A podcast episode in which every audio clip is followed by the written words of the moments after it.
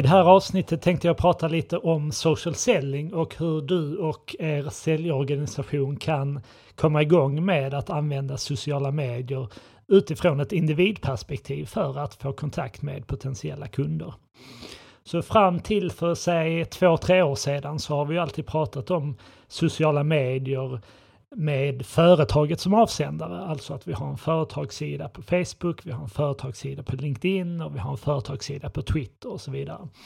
Medan när vi pratar om social selling så pratar vi om hur du som individ kan använda exempelvis LinkedIn, men det kan även vara andra sociala medier, för att kommunicera och få kontakt med potentiella kunder. Så social selling handlar om hur du som individ använder sociala medier, eller framförallt hur du som säljare kan använda sociala medier för att komplettera ditt säljarbete.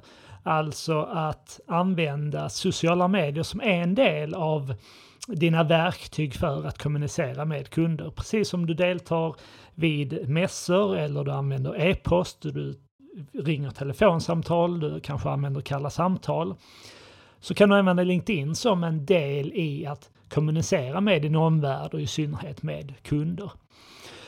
Och man har gjort undersökningar kring social selling där man har sett att de säljare som använder sociala medier i sitt säljarbete de når oftare sin budget och de ökar sin försäljning mer än de som inte har integrerat sociala medier som en del av sina säljaktiviteter.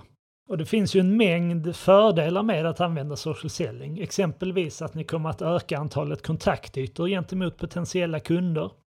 Ni kan komplettera er prospektering med verktyg som Sales Navigator. Ni förblir top of mind hos potentiella kunder genom att även kommunicera med dem genom statusuppdateringar i sociala medier. Ni får möjlighet att inleda fler dialoger med potentiella kunder. Och genom era statusuppdateringar så kan ni skapa intresse och bygga förtroende hos både befintliga och potentiella kunder. Och ni ökar också er omvärldsbevakning genom att följa både befintliga och potentiella kunder på LinkedIn så får ni uppslag som ni kan använda för att exempelvis inleda dialoger med kunder. Det som framförallt kännetecknar social selling det är att man använder sociala medier för att skapa värde för kunderna och sitt nätverk, exempelvis på LinkedIn. Här kombinerar man alltså sin individuella närvaro på LinkedIn med ett content marketing-tänk. Alltså att vi fokuserar på innehåll som hjälper, utbildar, inspirerar eller skapar någon annan form av värde för kunderna. En annan viktig del i social selling är att kontinuerligt bygga ut ditt nätverk med potentiella kunder. Och det här gör vi dels för att öka räckvidden av de artiklar och de länkar som vi publicerar på LinkedIn. Men det ger också oss en möjlighet att inleda dialoger med potentiella kunder. En annan sak som du bör tänka på när du jobbar med social selling är hur du utformar din profil på LinkedIn. Så vad de flesta gör det är att de ser sin profil på LinkedIn som sitt CV. Alltså att man tar sitt CV och man i princip skriver sin LinkedIn-profil precis som ett, sitt CV. Och det här kanske funkar om du är på LinkedIn för att söka jobb.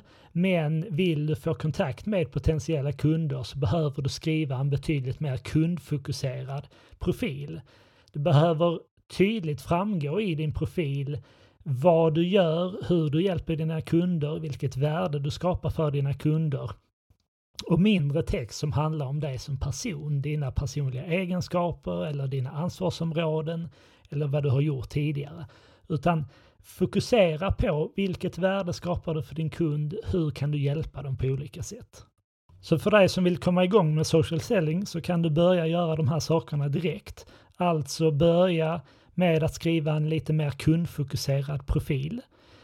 Börja att lägga till potentiella kunder till ditt nätverk. Glöm inte att alltid skriva en personlig kontaktförfrågan.